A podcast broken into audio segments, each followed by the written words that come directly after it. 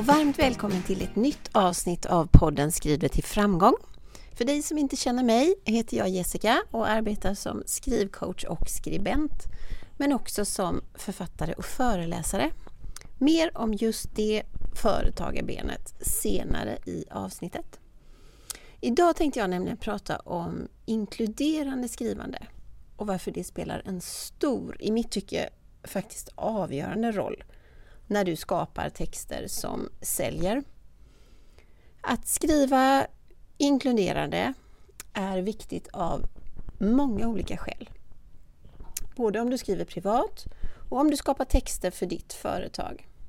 Att skriva inkluderande gör att dina texter når och också pratar med en bredare publik. Men, tänker du, min målgrupp är så snäv så jag behöver inte nå bredare. Mm, men även om din snäva målgrupp finns, även inom din snäva målgrupp ska jag säga, finns det olika människor som alla behöver inkluderas. De är olika för att de är just människor. Vi människor är olika, får vara olika och eh, behöver vara olika. Om en enda människa känner sig exkluderad är skadan skedd. Såret är öppet och det gör ont och du har tappat i förtroende. För att din text inte ska förlora sitt syfte så behöver du skapa dina texter på ett sätt så att alla känner sig eh, berörda och inkluderade. Nu menar inte jag att du sitter på din kammare och medvetet skriver texter som exkluderar. Inte alls, det förutsätter jag att du inte gör. Men det är lätt att trilla i fällan. Och det enda sättet du egentligen kan undvika det, det är om att lägga dig vinn om att aktivt tänka inkludering när du skriver. Skriv så att ingen känner sig utesluten på grund av ålder, kön, könsöverskridande identitet, etnicitet, religion, funktionsvariation, eh, socioekonomisk status och så vidare. Det är så oerhört viktigt. För att skriva inkluderande kan du till exempel använda dig av eh, könsneutrala uttryck som eh, du kan till exempel säga vårdnadshavare istället för mamma och pappa. Du kan och bör också undvika stereotypa beskrivningar av människor som, ska jag ta för exempel, som till exempel att en sjuksköterska alltid är en kvinna och en lastbilschaufför alltid en man. Det är en stereotypisk beskrivning. Eh, ha inte könstillhörighet som utgångspunkt när du skriver och inte när du beskriver en människa eller en roll. Stereotyper i dina texter kan de kan plättlätt skapa en snäv och exkluderande upplevelse för din läsare. Och det vill du inte.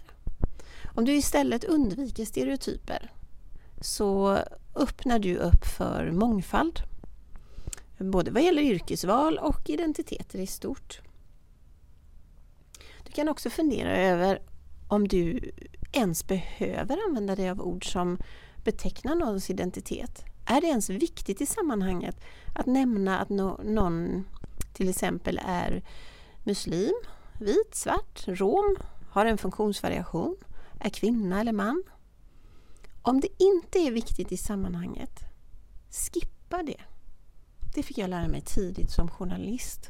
Har det inte betydelse för det du skriver om, lämna det. Låt det helt enkelt vara öppet och allmängiltigt.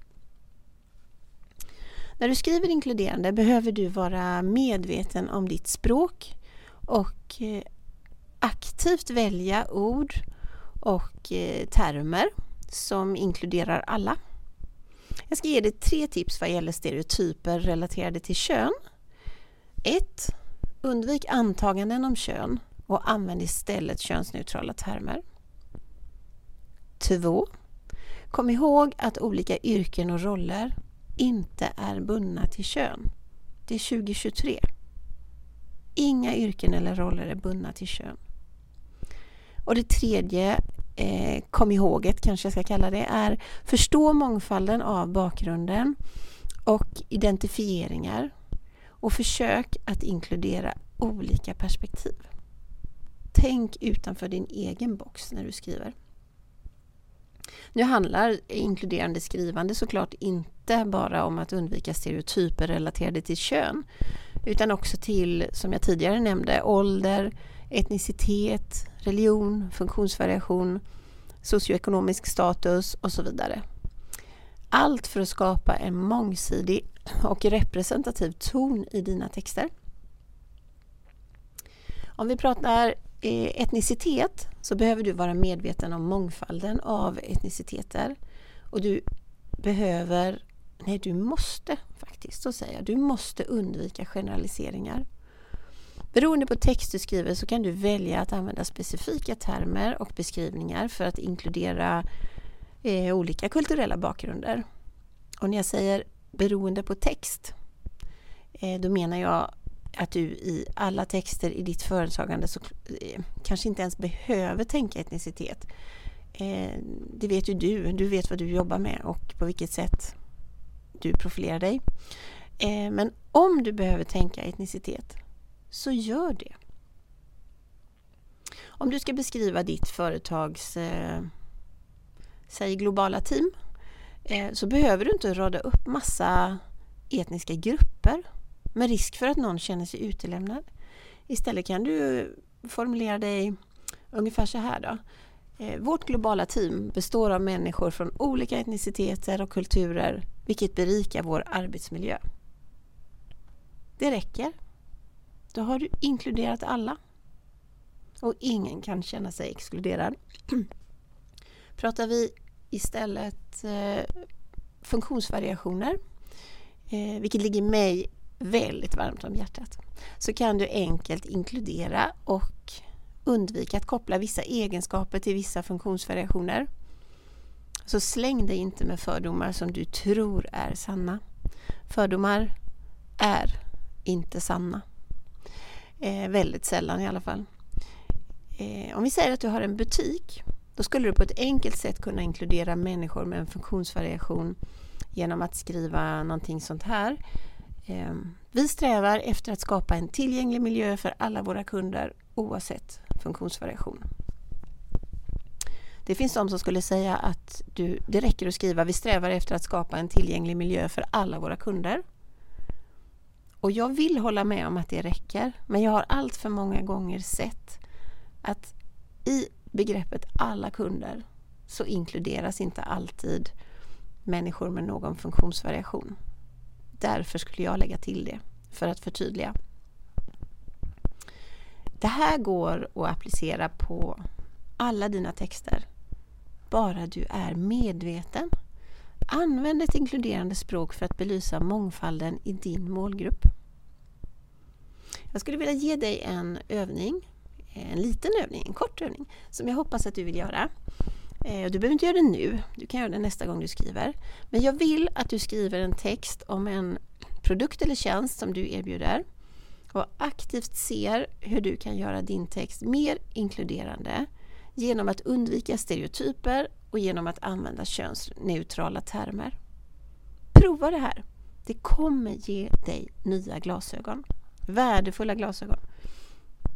Och publicerar du texten på någon av dina sociala medier där du hänger så tagga mig gärna snabel Jessica Ros Ramqvist så att jag får läsa din alldeles säkert härliga och inkluderande text. Det tycker jag hade varit roligt.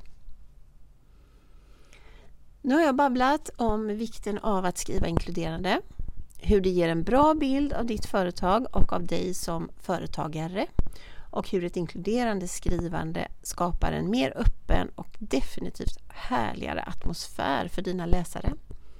Nästa gång du skriver och alla, alla gånger efter det, tänk inkludering. Det kan göra stor skillnad för dig men framförallt för din målgrupp. En av anledningarna till att jag vet att det gör stor skillnad och också anledningen till att inkludering ligger mig extra varmt om hjärtat stavas Hedvig. Hedvig är min yngsta dotter och hon har Downs syndrom. Under hennes dryga 19 år på jorden har hon och jag och vi andra runt omkring henne blivit varse vad både exkludering och inkludering faktiskt betyder.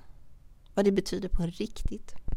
Vad det betyder när det inte fungerar och vad det betyder när det fungerar. Hedvig är också anledningen till att jag har två ben i mitt företag. Benet du kanske inte känner till är föreläsarbenet. Där jag utifrån boken jag har skrivit, Jag behöver Hedvig, och utifrån mina erfarenheter som mamma till ett barn med funktionsvariation föreläser om vikten av inkludering, om allas lika värde och i min senaste föreläsning som handlar om att alla har rätt till ett arbete. Att få välja sitt arbete, inte bara bli placerad. Den här delen av mitt företag, den ska jag berätta mer om nästa vecka, i nästa avsnitt. Då kommer jag också ha min första gäst med mig i podden. Eh, världens bästa Hedvig är det som kommer vara gäst då. Eh, tills vi hörs igen så hoppas jag att eh, du tänker inkludering när du skriver. För din egen skull, för min skull och för alla andras skull. Jag är så glad att du har lyssnat idag. Som vanligt är jag alldeles häpen över att ni är så många som lyssnar. Vill du så ta en printscreen när du lyssnar, tagga mig och dela i dina stories så att jag får veta vem du är. Tycker du att podden är värd fem stjärnor så ge den gärna fem stjärnor. Det skulle göra mig jätteglad. Ha en härlig dag så hörs vi om en vecka. Hejdå!